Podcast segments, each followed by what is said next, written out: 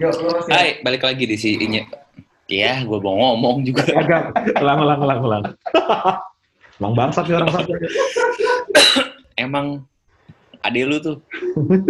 Oke, ya balik lagi di Sinyora Podcast. Kali ini bareng sama gue Tio. Ada Anjar. Halo Anjar. Halo Tia, sehat ya? Sehat, Alhamdulillah. Ada adiknya Anjar, Alvin. Alvin. Halo, yuk, yuk, sehat yuk. Kan Sehat. gue tadi udah nanya Nggak, kenapa Kalian nggak sehat juga nggak? ngapain sih? Ngaco banget nih orang nih, asli nih.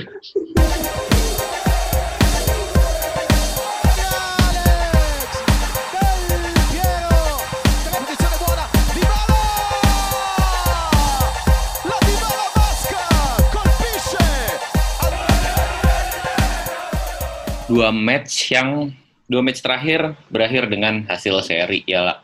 Yang pertama lawan Atalanta satu sama, terus satu sama lagi lawan Torino. Yoi. Padahal, padahal nih ya, padahal Ah, pesaing-pesaing di atas lagi kepleset juga nih. Nah, kalau misalkan dua match itu menang, hitung-hitungan gue tuh 5-1 poinnya. hmm. Poin 5-1 artinya selisih sama pemuncak klasmen sementara cuma tinggal 5 poin Milan kan. Hmm. Gimana menurut lu, Jar? Ini pekan yang aneh sih sebenarnya gitu. Selain tim-tim lain itu kan kalau ngelawan Juve kan jadi punya motivasi ganda ya. Pertama Atalanta yang emang di klasmen dempet-dempetan sama Juve gitu. Akhirnya ujung-ujungnya kita berbagi poin. Terus yang pekan kedua kemarin lawan Torino Derby della Mole draw juga sempat disamakan.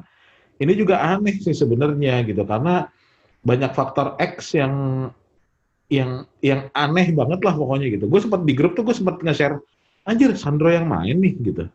Terus sementara gue waktu ngeliat eh, pemanasan, gue ngeliat Rugani lagi pemanasan gitu loh. Tapi ternyata di line up tuh Sandro yang jadi CB nemenin Delik. Itu aneh sih sebenarnya gitu. Cuman karena gue nggak yakin, gue hapus lagi tuh di grup tuh. Terus ternyata benar pas main kita kehilangan tiga CB kan. Akhirnya ujung-ujungnya Sandro yang yang main nemenin Delik gitu. Dan kualitas Sandro ya mm, nggak bisa dibilang bagus-bagus amat juga kan. Akhirnya akhirnya ya udah.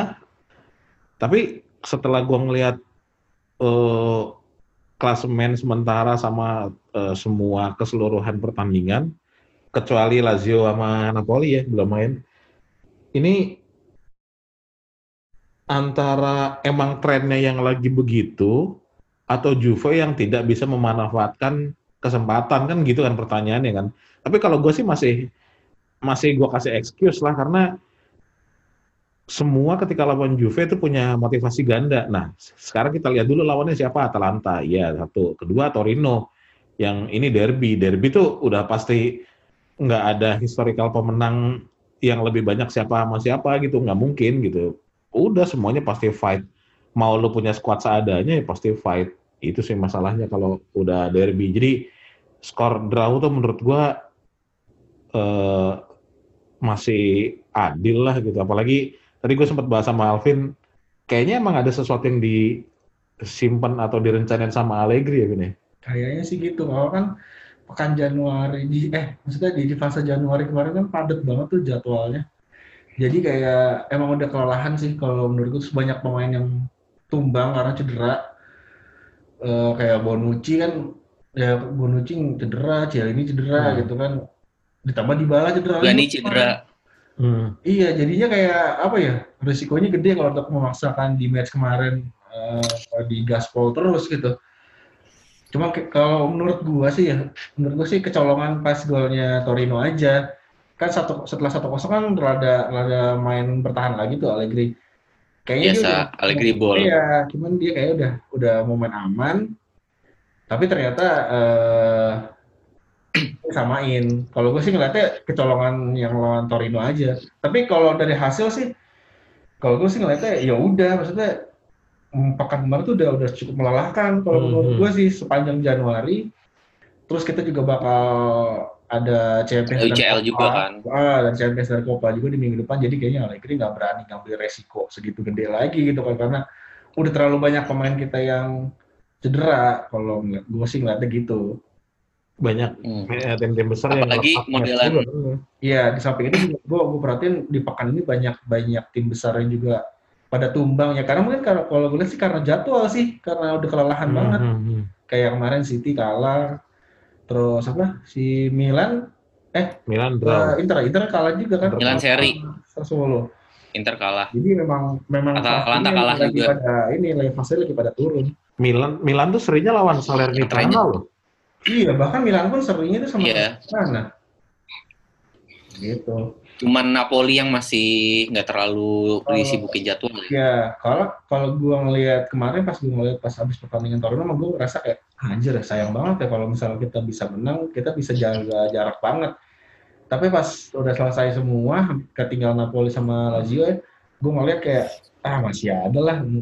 Ya, kalau digas sekarang juga takutnya malah habis bensin lagi gitu, mendingan pelan-pelan aja lah. Gue sih ngerasa nggak mungkin ini lah gua rasa di akhir musim nanti kita nggak akan kelempar dari empat besar sih kalau feeling ya. Tapi ya mainnya kita kayak Cuman gini. kan cuman kan sayangnya ya itu sih kayak ketika kalau misalkan dua match kemarin menang tuh kan jadi ah, masih bisa nih kita juara gitu kan. Saya beda lima poin nih mah enteng banget lah.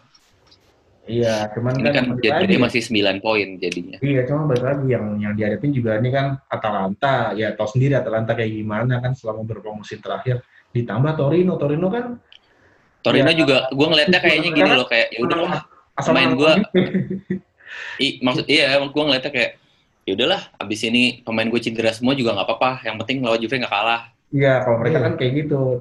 Soalnya pas gue lihat jadwal juga mungkin setelah pekan ini eh, Hmm. jadwalnya Juve lumayan agak lebih agak lebih ringan sedikit ya dalam tanda kutip Hmm. maksudnya gitu. Yang berat itu kan ketemu Fiorentina di, Di Copa sama Dua leg sama Liga di Champions Champions. League.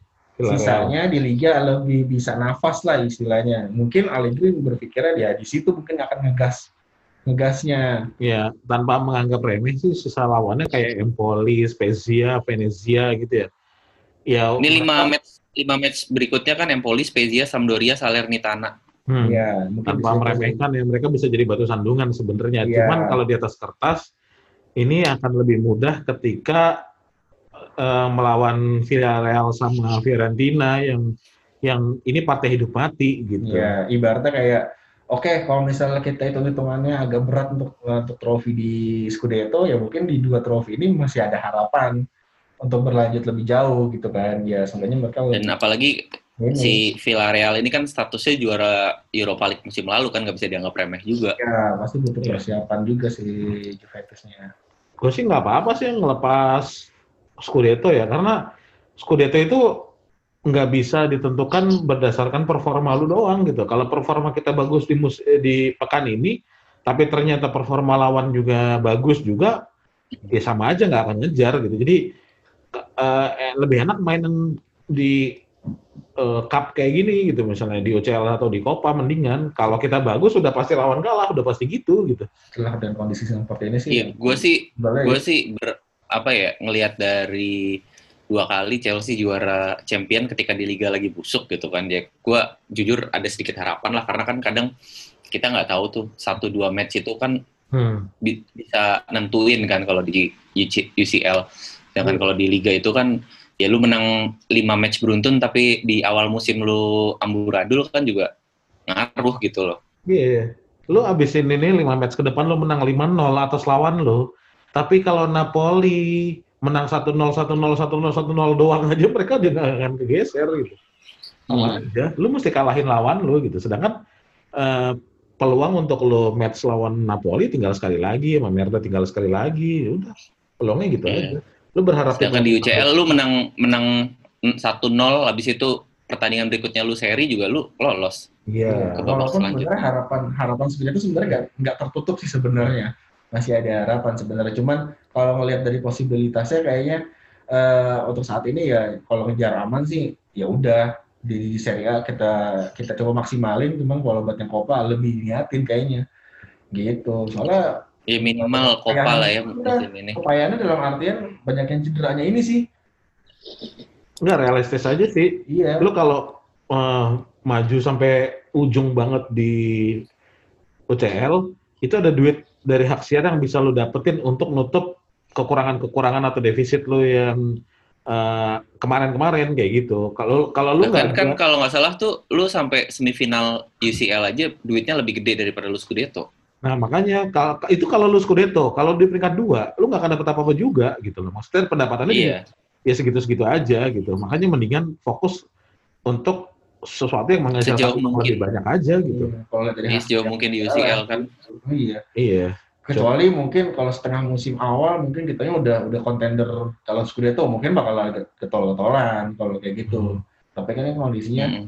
kita masih posisi ngejar nih. Tapi eh, bisa jadi kejadian Five Maggio lagi sih. Bisa-bisa ya kalau misalnya Bisa. di atas atas banyak yang kepleset. Ya kita kan nggak tahu kan. Kita lihat Iya, aja iya, deh iya. nanti ini. Ya, Menarik sih tapi ya performanya mereka semua inkonsisten lah. Termasuk Makanya gue berharap Merda juga jangan gugur dulu deh di Champions League biar kayak gini kan mereka ada Champions League kepleset-kepleset. Iya, iya, iya, iya, iya sih. Minimal, minimal kalau tiba-tiba Scudetto musim ini tuh ganti tim gitu, minimal eh, juara kemarin kagak jumawa-jumawa banget gitu. Iya, iya itu maksud gue kayak ya moga-moga sih paling nggak dia sampai perempat final lah kan lumayan tuh. di perempat final kita yang ngalahin tapi Nah, bisa, bisa, bisa. Pengen, pengen bungkam omongannya Moratti aja. iya di perempat final kita yang ngalahin gitu. Kan nanti di liganya juga mereka jadi nggak fokus kan. Iya. Mereka ini gue perhatiin semenjak UCL balik lagi trennya cukup ini kan nggak terlalu bagus kan kayak mereka nggak punya depth squad yang ya kayak kemarin aja Hmm. Brozovic nggak main langsung amburadul gitu kan tengahnya Iya, iya, iya. Iya, mereka skuadnya emang nggak dalam. Jadi ya ketika saat, eh, lebih dari dua orang pemain inti lo nggak main, mereka nggak akan bisa berbuat banyak sebenarnya. Skemanya bakal berubah dan berantakan. Walaupun udah datangin Gosen ya.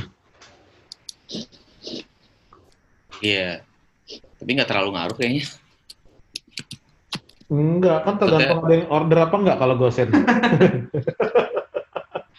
masuk dong slot. Terus juga kalau ngelihat tren-trennya ya, Juve kan baru mulai bangkit nih. Baru ba- baru punya formasi baru, punya pemain baru. Nah, kayaknya ya kita sabar aja sih nunggu nunggu hasil positif. Ya, ininya selama kita kan udah nggak terkalahkan dalam beberapa minggu ya. Termasuk dengan datangnya Vlahovic sama Zakaria juga kita belum terkalahkan nih sampai sekarang. Itu sih yang gue pegang sih. Maksudnya kita ngejar konsisten itu konsisten itu aja gitu. Karena tim seri A lain juga nggak pada yang bisa konsisten kok. Selalu gitu kok tiap musim. Ini sih kita kayak ini kita kayak kena angin surga aja kemarin waktu datengnya Zakaria sama Vlahovic match Iya. pertama langsung gila permainannya gitu kan. Terus langsung ngegolin dua-duanya lagi langsung habis itu kita dapat dua match yang seri kemarin. Jadinya kayak ngerasa wah ini Al- Allegri ini udah mulai pada gelisah lagi. Padahal kalau dilihat-lihat Hmm, memang ada jujur gue nggak sih gue feeling malah feeling Iya. bagus di UCL iya iya iya karena emang gue ngeliat emang ini udah fa- banyak faktor sih banyak faktor cedera faktor kelelahan juga kelihatan soalnya dan bahkan mungkin bisa jadi musim depan kita bakal ngeri banget sih gue sih harusnya Nah, nah, kalau itu, gue mungkin nyangkutinnya gini. Kalau misalnya musim depan kita masuk Liga Champions, terus Delih mungkin perpanjang kontrak sampai 2025, kita bisa gila sih musim depan. iya Mungkin akan kalau indim semua semua kan ya mungkin akan jor-joran di situ ya. Mungkin bakalan menarik banget tuh. Cuma makanya gue bilang Allegri ma- dia nyari aman buat karir dia dalam artian dia nggak mau kehilangan pemain lagi, nggak mau kehilangan banyak poin lagi. Jadinya ya udah dia dia eh, cari aman dengan gayanya kan gitu kan kalau di satu kosong ya bakal Iya. main dalam banget. Cuma kemarin sih kecolongan sih kalau menurut gue lawan Torino. hmm. Feeling gue sih kemarin dia ngincar ngincar menang satu kosong sih kalau menurut gue ya. iya iya karena kan mau UCL juga kan Iya. iya cuman kepepet karena udah terlanjur banyak yang cedera di bala cedera akhirnya ya udah dia nggak mau ngambil resiko lagi tarik Vlahovic dan segala macam gitu daripada hal-hal buruk kejadian kan agak lebih Iya. apa lagi jarak gitu. Iya, cuman kayaknya feeling gue sih nanti kalau kan yang di Torino kemarin kecolongan gara-gara Sandro juga gitu ya. Feeling gue sih yang main tuh nanti bakalan Danilo sih buat nemenin. Danilo Danilo Danilo sama Delik kayaknya. Feeling gue sih itu karena Pellegrini cedera juga kalau ternyata. Iya, Iya. Pellegrini cedera juga. Sandro bisa ngisi di kiri atau eh sa- feeling gue sih Sandro akan ngisi di kiri, justru MDS ngisi di kanan karena kalau ngelihat kebiasaannya. Pengganti di bala tuh Cuadrado biasanya yang ditaruh. Jadi Cuadrado nggak akan jadi bek kanan lagi, tapi dia jadi justru penyerang kanan. Hmm.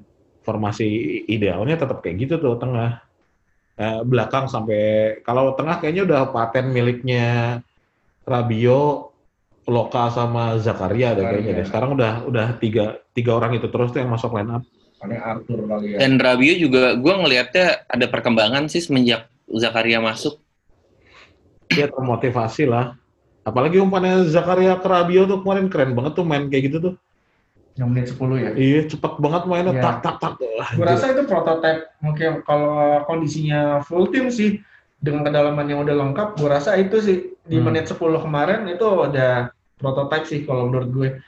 Cuman kalau pemainnya banyak yang hilang, kan kita sempat bahas kan kalau Hmm. misalnya kita pasang semua ya kita nggak punya pemain cadangan itu. Gak, nggak, nggak ini, nggak imbang. lebih ke karena ngelihat formasi sekarang sih 4-3-3. Yang kemarin tuh waktu bertahan kan jadi 5-4-1. Nyisain 5-4-1 atau kemarin tuh pakai 4 4-3-2-1 pohon Natal. Jadi kemarin tuh waktu lawan Torino malah gue lihat tiga, tiga formasi itu gitu bareng. Nah pas 45 pas 5-4-1 itu DM-nya Locatelli itu jadi kayak posisinya Marone dulu deh. Dia Oh, ngisi agak ke belakang ya. ngisi jadi ke tengah. Agak agak mundur lagi ya. Kayak Iya. si Emre juga pernah kayak gitu kan. Iya, Lebih makanya ke belakang. makanya Delik kemarin kebanyakan ngisi pos kanan tuh buat backup Kua yang agak naik juga. Cuman Oh. kalau kondisi idealnya kalau tetap main 4-4-3 4-3-3 di depan terus lihat deh kedalaman skuadnya ada siapa sih yang bisa ngisi posisi di situ gitu. Nah, itu yang agak agak riskan. Makanya mendingan korbanin aja pertandingan toh nggak kalah juga gitu. Iya. Hmm. Gua sih ininya ya apa eh, sedikit harapan gua dengan banyaknya cedera ini Allegri kalau ya eh, tanpa meremehkan ya balik lagi kayak lawan Salernitana atau lawan apa sih kayak eh, Spezia gitu berani gitu loop in modelan-modelan Sulit. kayak Sole atau The Winter gitu. Gitu. Karena apalagi apalagi kan ya balik lagi ya kita cukup cukup apa sih namanya cukup kekurangan pemain lah kondisinya sekarang terutama di belakang ya. Hmm, hmm. Ini kalau ngelihat substitute-nya Juve tuh sedih tau cuma 7 atau 9 orang. iya, maksud gua maksud gua itu loh kayak iya The Winter, Sole ya atau bahkan sebenarnya kan bisa lebih kasih minute play untuk si ini kan si siapa namanya? eh aduh gue lupa lagi. Eh Oke. si Jorge Jorge. Oh, Ka- Kayo. Kayak Jorge. Iya, Jorge dan Ake juga sih kayak ya pemain-pemain itu Hmm. ya nggak ada salahnya dikasih minute play lah walaupun ya ngasih minute playnya jangan cuman 10 menit 5 menit lah bisa apa kan ibaratnya Iya, cuman kalau- kita tahu kan Allegri kayak gimana dan, dan situasi juga udah kepepet, kayaknya kecil sih kemungkinan palingnya juga ya benar paling ya 10 menit 10 menit aja yang dikasih waktunya. Karena dia juga nggak mau nggak mau ngambil resiko kan orangnya kan. Oh, Dia dia sangat mengedepankan balance bikin di dalam timnya gitu kan. Makanya eh, banyak pemain-pemain muda yang justru nggak dapat waktu kalau dia nggak dapat minute play. Gitu sih. Gue sih nggak. gua kan kalau lu kalau kalau lu apa kalau lu cuman main 5 menit 10 menit kan nggak terlalu banyak ininya Impactnya. gitu loh pengaruhnya gitu loh Iya.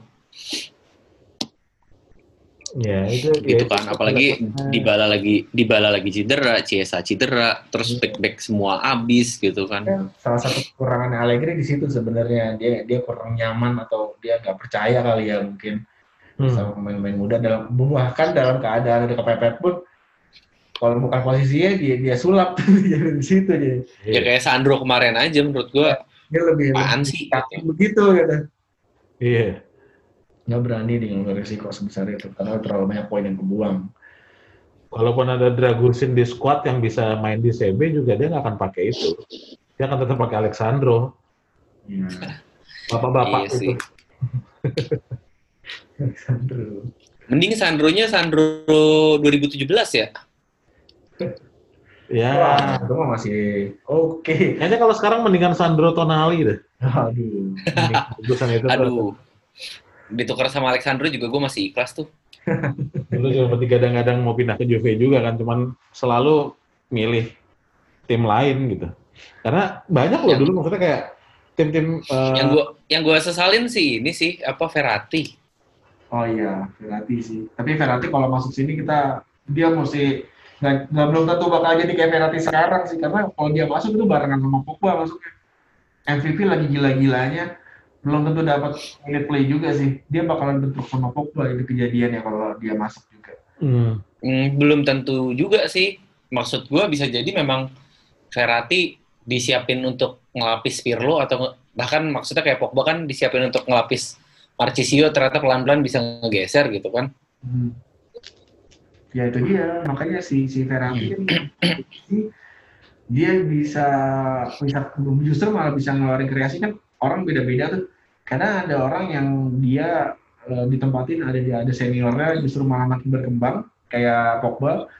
Atau bisa juga jadi kayak orang yang ah mumpung nggak ada senior di sini gue bisa explore lebih. Ya mungkin Verratti tipe yang seperti itu makanya dia di PSG eh, ketemunya sama Thiago Motta ya waktu itu ya kalau nggak Hmm. salah ya. Jadinya eh, ya udah jadi mereka belajar bareng. Jadi jadi dia malah berkembang. Kalau menurut gue sih emang udah jalannya aja Verratti nggak Iya. yeah. saat itu karena emang timingnya nggak pas Tapi intinya kalau lo mau kalau lo pemain muda, lo mau ke Juve, lo harus ditandatangan kontrak itu dengan menyantumkan lo akan jadi pemain inti selama beberapa match minimal gitu. Dulu udah perjanjian itu tuh harus harus ada. Kalau enggak ya lo akan satu musim main 10 menit paling. ya main SKCK ya SKCK beli buku paket sama seragam. Nggak bisa jadi sepu- bisa jadi satu musim tuh mainnya 90 menit, 10 menit, 10 menit, 10 menit. Iya, 9 match tuh jadinya. Nah, itu kayaknya kayak Jorge sudah tahu itu Iya. Awal-awal Bentancur juga gitu kan, cuman lama-lama mulai kepake kok. Masalahnya yang gua kasihan nama Kayo tuh semenjak datangnya Vlahovic, Kayo kan tipenya holding. Kalau udah datang Vlahovic gini, ya udah makin susah lagi bersaing. Morata Dan apalagi- ke kiri. Dan apalagi umur mereka mirip kan, jadi pasti ada pressure ya pressure sendiri gitu loh buat kayunya apa kayak anjir ini cuman beda berapa bulan doang sama gua tapi udah inti gitu kan Ya tapi pencapaiannya beda kan.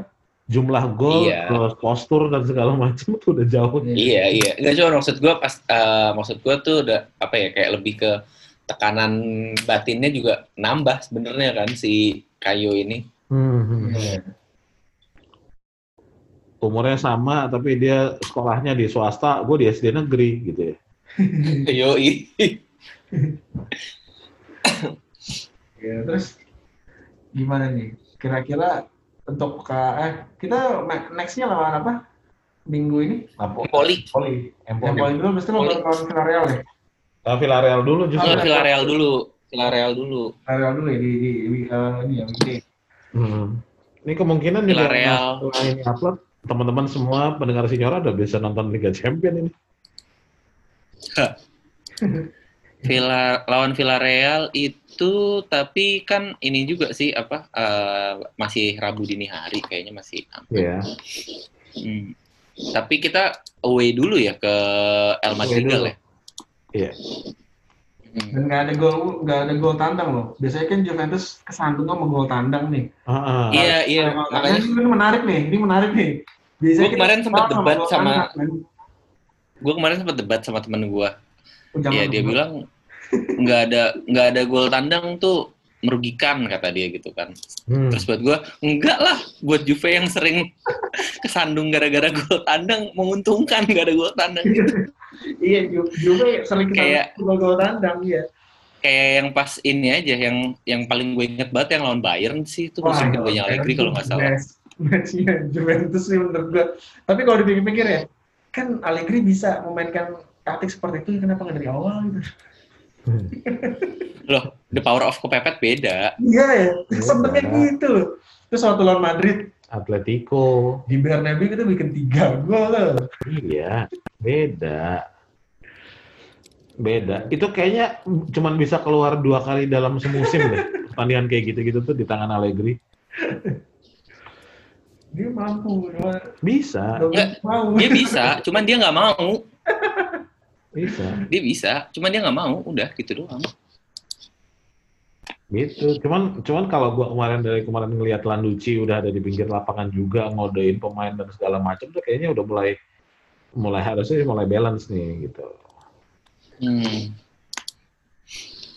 Tapi pemain semuanya udah udah udah kelihatan lebih satu tujuan sih. Gue ngerasanya udah mulai ya udah deh Yang- gitu kan udah mulai lebih kelihatan gitu daripada sebelumnya kan. Ini yang yang menurut gue yang hilang dari Juve itu kan bukan pemain-pemain bagusnya hilang atau apa karena gue dari awal udah sering bilang ya kayak pemain-pemain modelan Bentancur, modelan Abio itu bukan pemain jelek, cuman dan yang seperti sering dibilang sama Anjar juga chemistry-nya nggak ketemu Hmm. dan menurut gua di tang eh, maksudnya gini eh ya Sari pelatih yang sosok dan Pirlo tuh sebenarnya juga nggak jelek. Cuman kan yang nggak bisa mereka bikin kan gimana caranya supaya ruang gan- ganti itu bisa lebih nyatu gitu kan.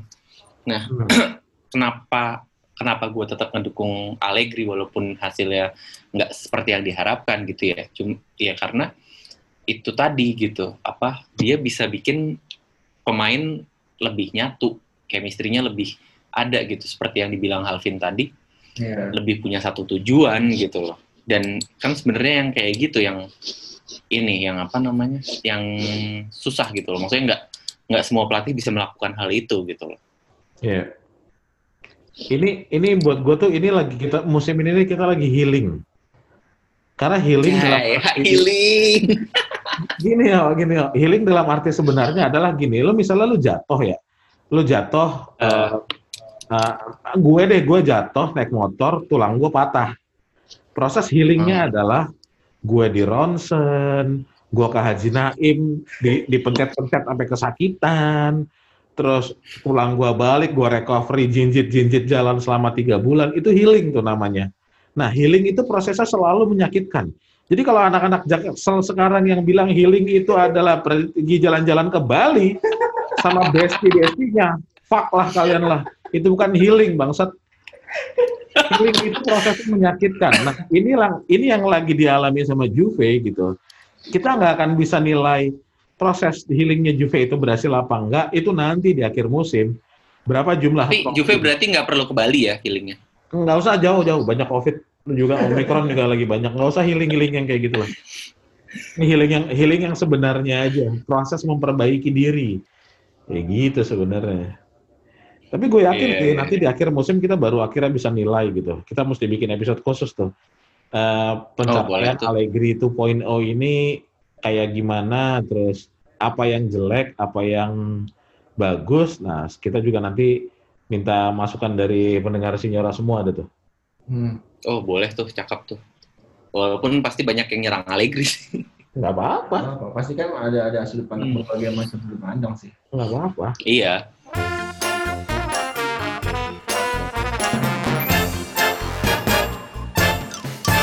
kita balik lagi ke Villarreal ya tren mereka tuh sebenarnya lagi cukup bagus nih gue lihat-lihat Hmm. Em, Bajunya Dalam- tetap kuning kan? iya dong masih masih kuning kan yellow submarine Seenggaknya kalau kita away kita nggak pakai baju yang aneh itu sih. eh itu bagus tau kayak merek bola kayak bola voli Di kasa.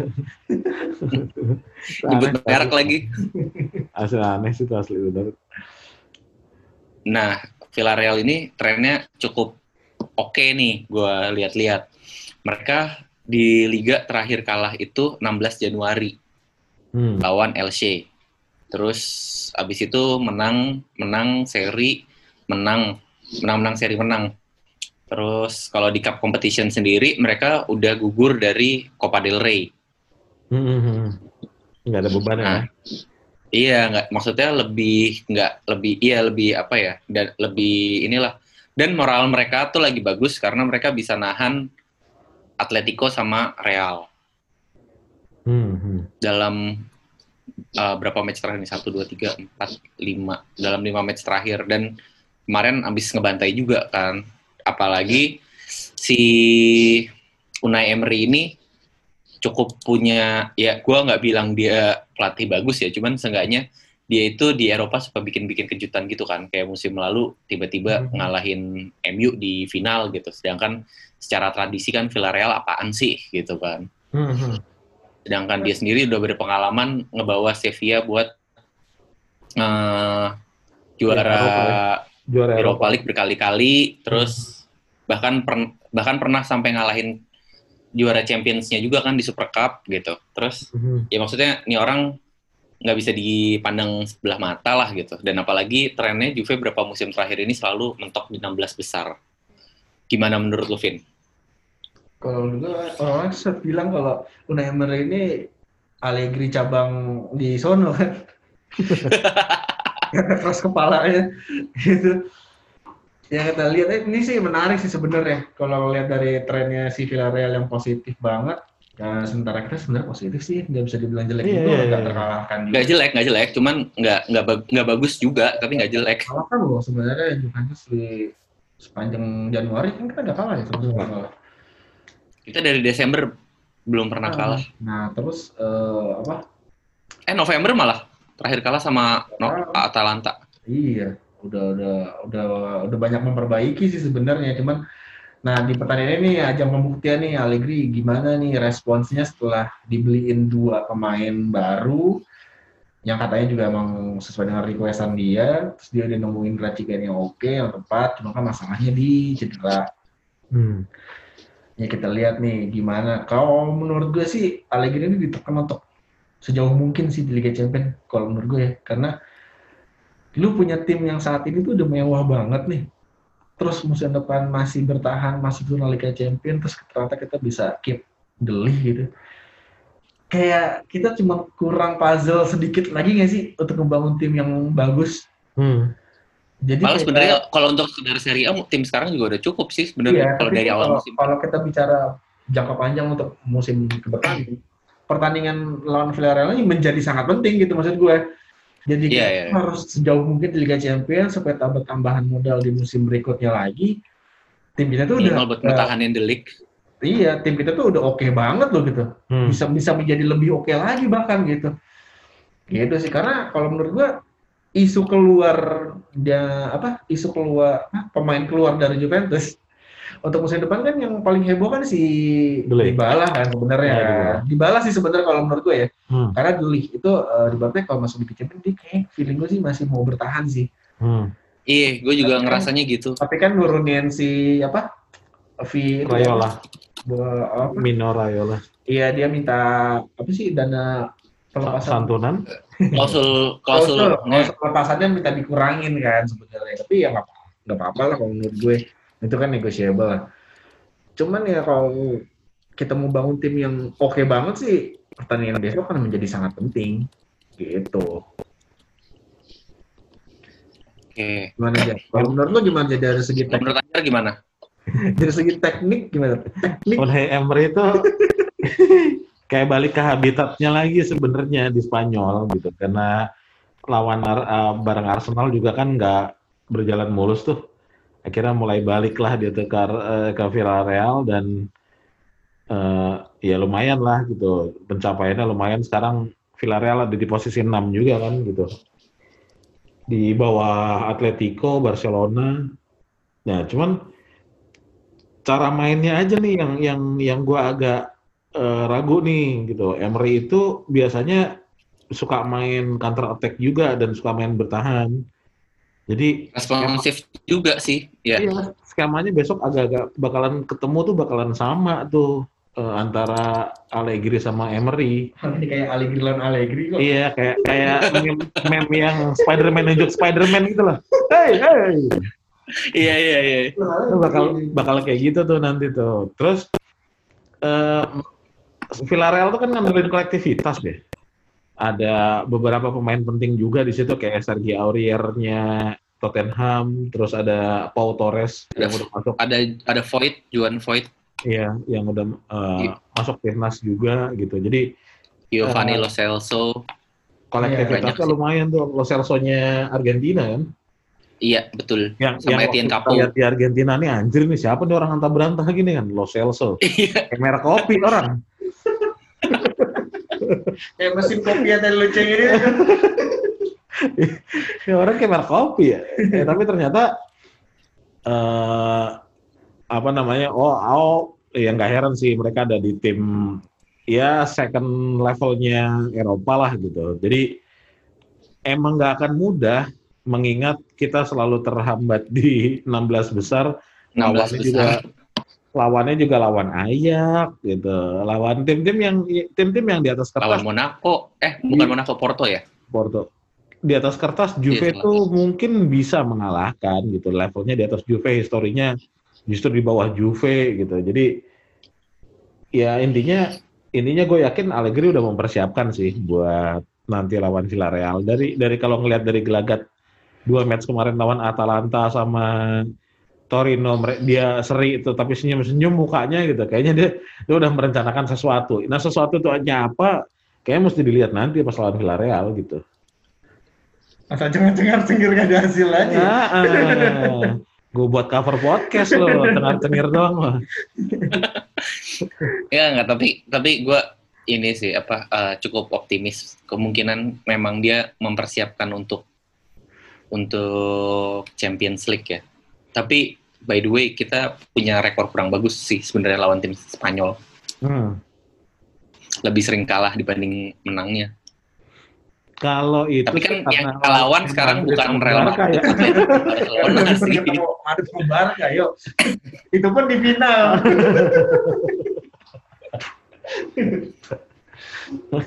Kalau kalau terakhir kapan sih kita ketemu siapa ya Spanyol ya? Spanyol terakhir itu yang Ronaldo pindah ke kita abis itu Atletico. kayaknya deh. Eh iya Atletico ya musim lalu ya. Eh dua musim lalu. Ya, paling Atletico, paling biasanya juga Atletico, ya Villarreal gini yang yang bisa maju sampai Villarreal dulu Bel. Villarreal belum pernah ketemu, Dulu. belum pernah. Oh belum pernah ada belum pernah ketemu ya rekor Belum rekor pernah. mereka ber- nggak deh. Sa- Satu-satunya pertemuan di ini doang apa ICC.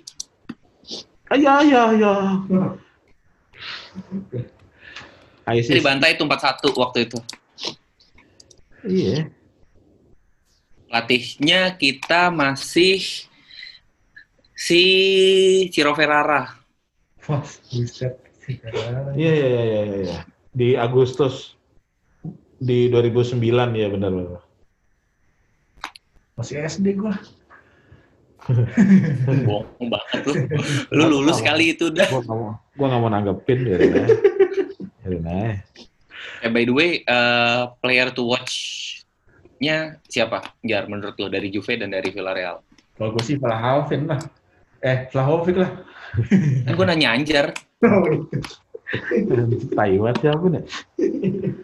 Kalau kalau kalau di Juve tetap ya memang Vlahovic ya karena Vlahovic itu nggak pernah nggak pernah tidak mencetak gol dalam tiga pertandingan di musim ini. Jadi ha- dia harus bikin gol nih. Buat Biar nggak malu ya. biar nggak insecure. Ah, Terus selain Kalau enggak, ntar perlu healing lagi. nah, selain itu dia dia itu belum pernah bikin gol di ajang UCL kan. Hmm, dia Nah, kayaknya gue yakin dia punya motivasi lebih nih buat buat bikin gol gitu di UCL. Selebrasi siapa yang dia tiru kali ini? di gol? gue yakin sih Kiesa lagi. Kiesa Cuadrado. Eh, Ah, apa ya? Masa Cuadrado susah. Susah bikin selebrasi kuadrat. masih latihan dancer.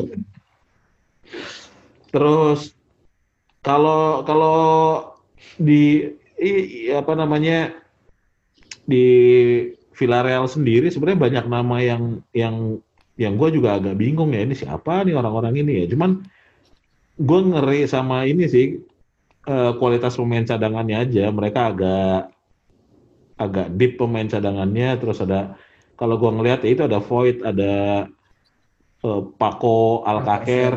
Kasir. Nah Hmm. itu itu maksudnya mereka nih berpotensi jadi super sub super sub gitu loh. Yang ketika Ah, iya, iya. skemanya nggak berjalan kayak Lo Celso ini bisa tiba-tiba lo bisa diganti dengan siapa pun. Terus ada eh, Ibora atau Dani Parejo yang dia tuh bikin bikin lini tengah Villarreal tuh jadi nyaman gitu mainnya. Karena mereka tuh tipe-tipe pemain-pemain yang fighter gitu. Yang nggak ada capeknya. Kayaknya di paru-paru Yang paru-parunya langsung ke udara nggak lewat hidung gitu loh.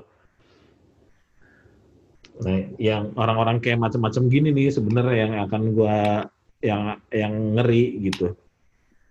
Terus ngelewatin Pau Torres juga nggak mudah. Bola-bola atasnya bakal kesulitan kalau ngandelin Vlahovic sama Morata doang gitu karena Pau Torres juga agak tinggi walaupun badannya ringkih sebenarnya ya. Hmm, iya, Tapi- iya. Mengalahkan Mereka semua lininya juga cukup ini ya. lumayan lah, jatuhnya lumayan. Lumayan. Maksudnya cukup bisa ngerepotin lah.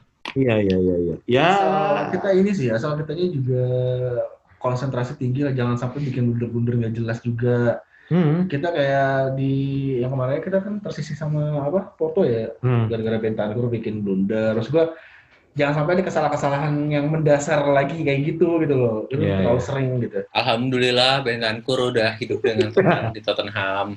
Bentancur udah hijrah. Udah hijrah. Nah, Ya intinya gini, semua pemain itu bisa punya motivasi berlipat ganda. Semua tim ya punya motivasi berlipat ganda. Walaupun levelnya Villarreal mungkin mungkin kayak Torino gitu. Cuman kalau lawan Juve apalagi ini partai hidup mati ya motivasinya bertambah. Intinya main bagus aja terus bikin gol lebih banyak dari lawan udah itu aja. Sekarang kan sekarang udah nggak ada gol kandang tandang gitu ya. Ya udah lu bikin gol lebih Hmm. banyak dari lawan aja udah gitu. Oke. Kalau lu Jar siapa player apa player to watch-nya dari kedua udah tim? kan gua. Eh kok Anjar sih? Sorry Vin. Alvin, Alvin. Kita dulu gue jawab. Siapa? Siapa? Ya kan itu dari Juve-nya. Dari Oh, dari sana ya? Villarreal. Enggak lu enggak gua kasih contekan, Win. Iya, jadi Asenjo. ya, kenapa AC-nya belum tentu main juga? kan saya sikut-sikutan sama Ruli dia.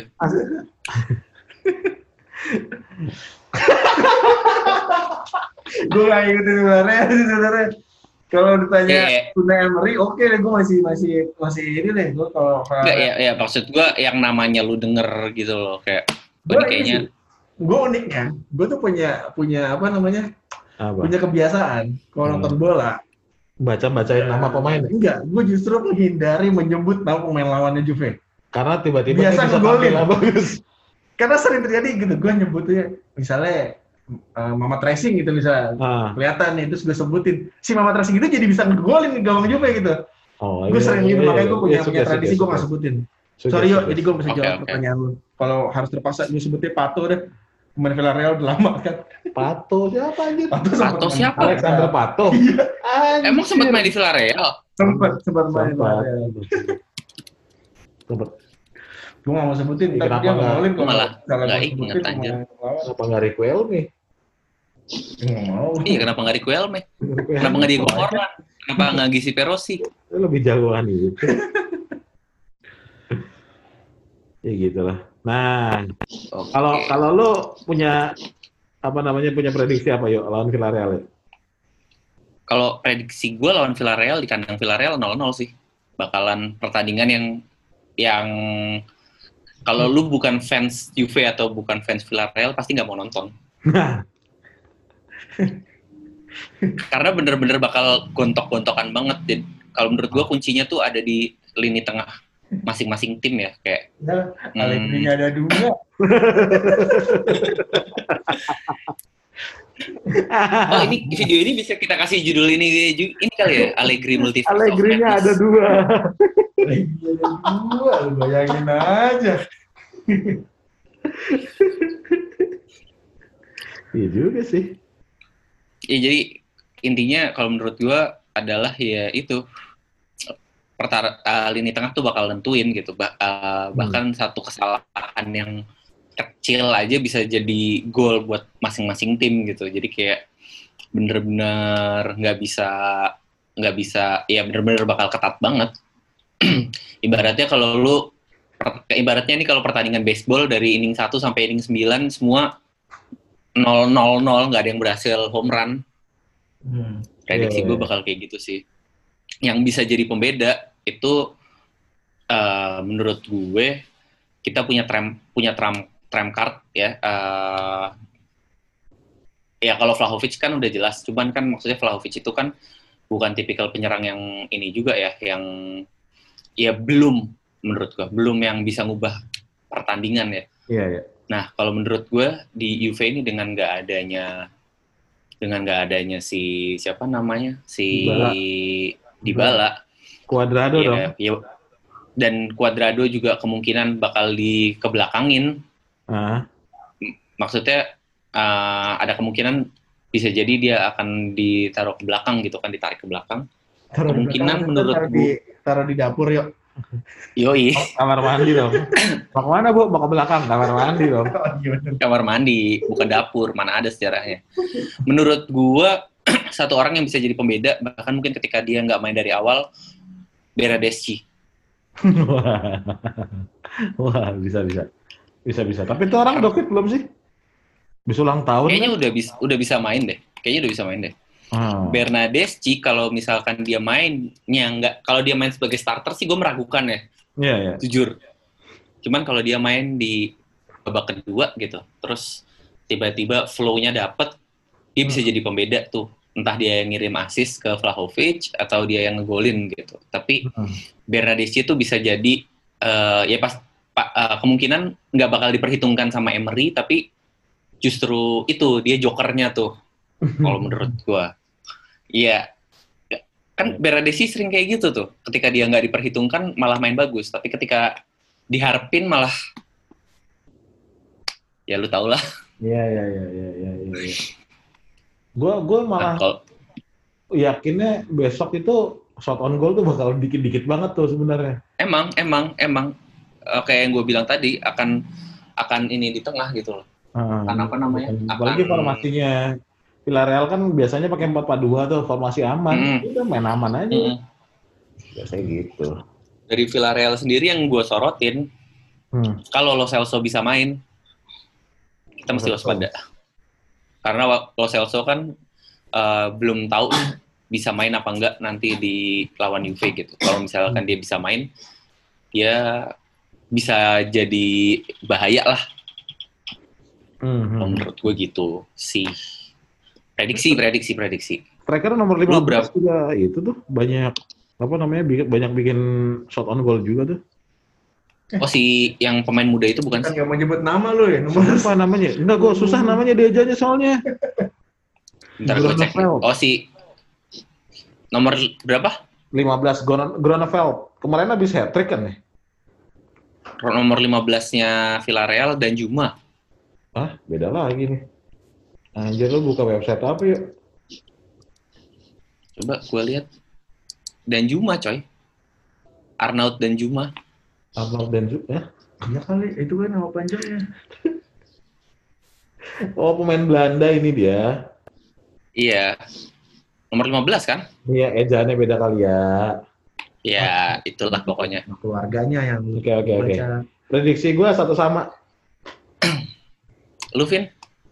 satu sama. Sama siapa? Yang satu sama sih. Iya. Kalau menurut gue, jadi eh, nanti di pas main di Turin kita bisa menangnya satu kosong gitu juga kayaknya.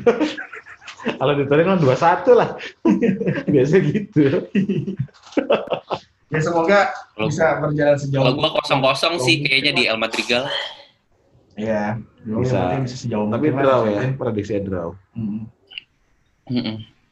Kalau sampai menang sih ya pasti di Turin akan lebih membosankan lagi. Iya. Iya. Mendingan seru nyantar di ending ya. Iya.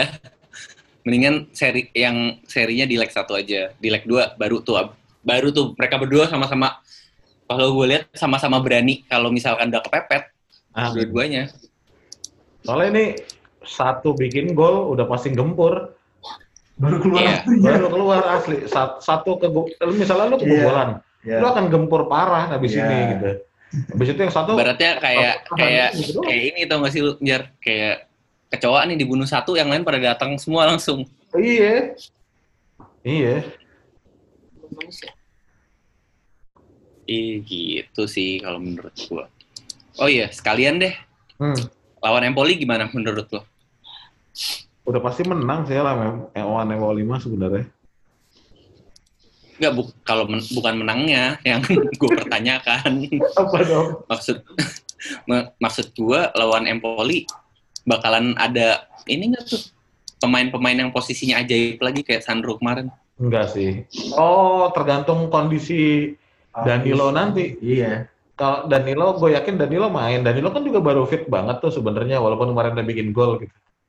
Kalau Danilo, ini kan ini tuh kita lagi krisis back ya. Mm-mm. Pellegrini cedera, Rugani, ad- jadi total ada empat back cedera gitu. Sisanya tinggal empat, empat atau lima orang gitu.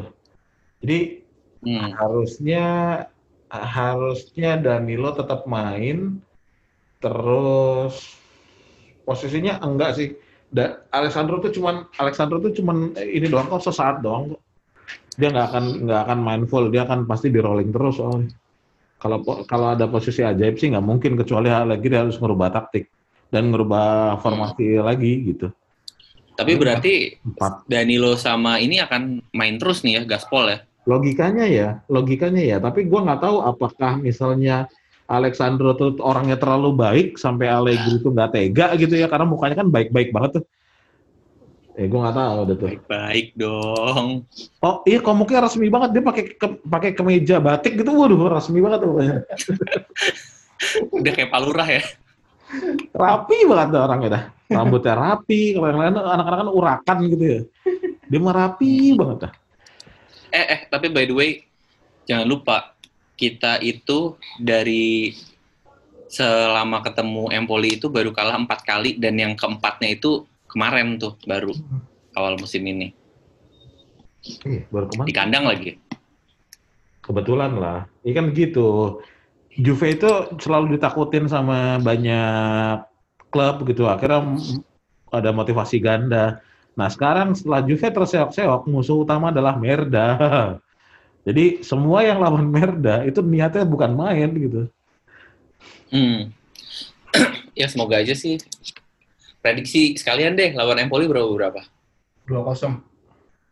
Wah, gue berharap tiga. Oh, optimis sekali. Wah, optimis sekali kalian. 2-0. Asli. Satu gol pertama Ini di sekali. awal pertandingan, gol kedua di akhir pertandingan. Kagak. Ini Biasanya, hebat-hebat. biasanya gol tuh di awal-awal menit 10-an. Habis itu baru babak kedua tuh ada dua gol lagi tuh ntar menit 50-an, menit Iya. 60-an gitu. gitu. Eh, Woi, kalian lupa. saya ingat saya siapa?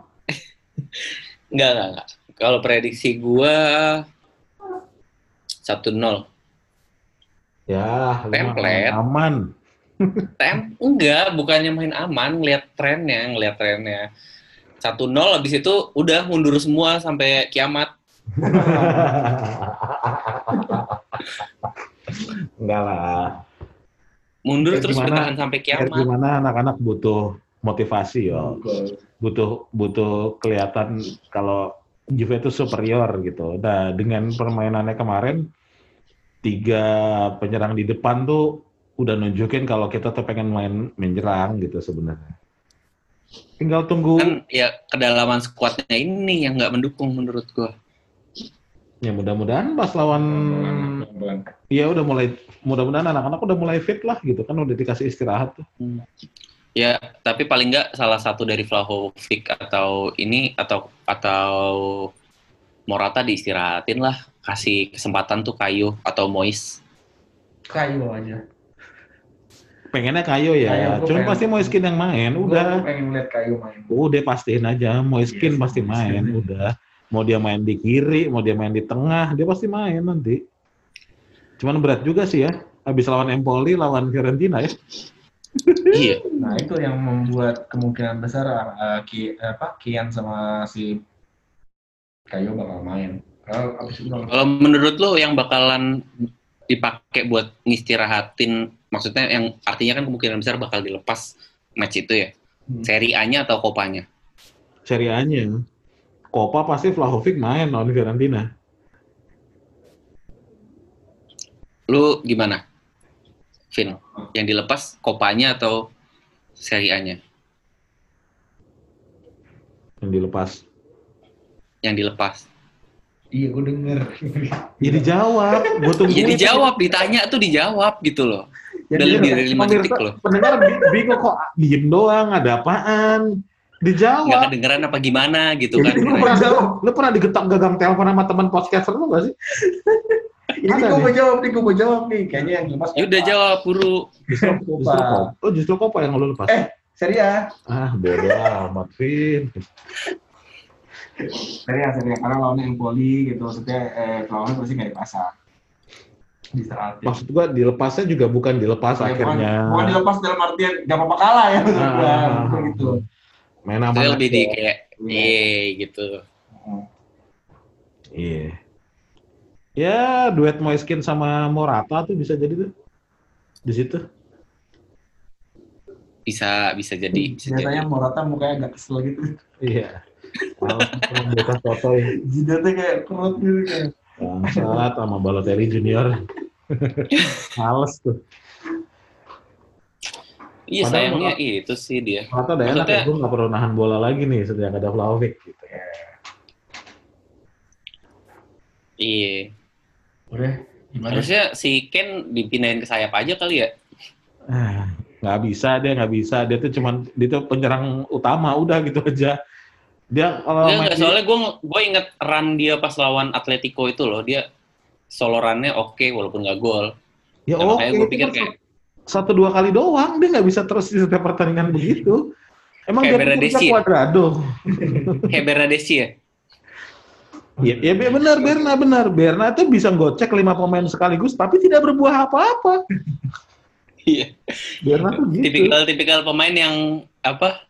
eh miracle play-nya cuman dalam semusim 2 3 kali. ya gol-gol bikin tiba-tiba bikin gol-gol ajaib gitu yang menyelamatkan Ada vouchernya, ada vouchernya. benar Voucher golnya. Udah gesek belum nih? Udah gesek belum nih? Ya udah Ya. dipakai. itu mah penalti tim sebelah tuh Juve udah nggak punya lagi deh. voucher.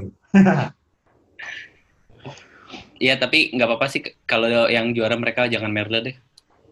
Kalau misalkan emang kita udah terlalu main aman di Serie A, Hmm. yang penting jangan Merle yang juara.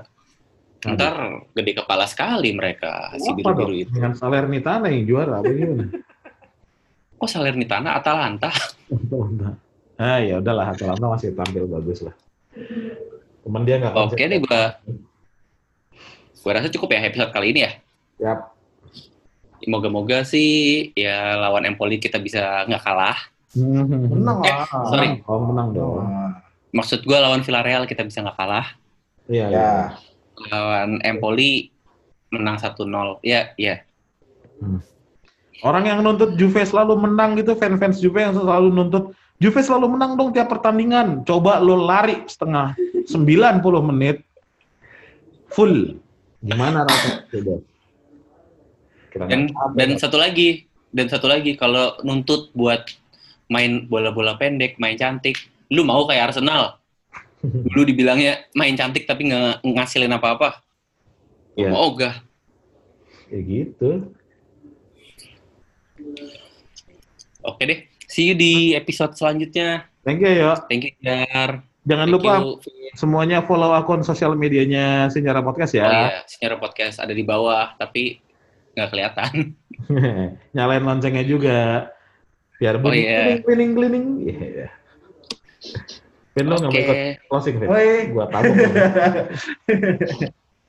ya thank you ya.